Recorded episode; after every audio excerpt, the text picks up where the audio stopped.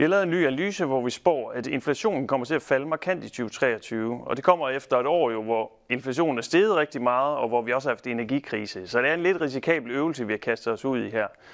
På den ene side kan man sige, at virksomhederne og butikkerne er måske slet ikke færdige med at sætte priserne op. På den anden side har vi jo fået en forbrugskrise i Danmark, og det kan gøre, at prisstigningerne skal blive mere normale nu. Vi hælder egentlig mest til det sidste, og samtidig så er det jo sådan, at el- og gaspriserne er faldet ret markant.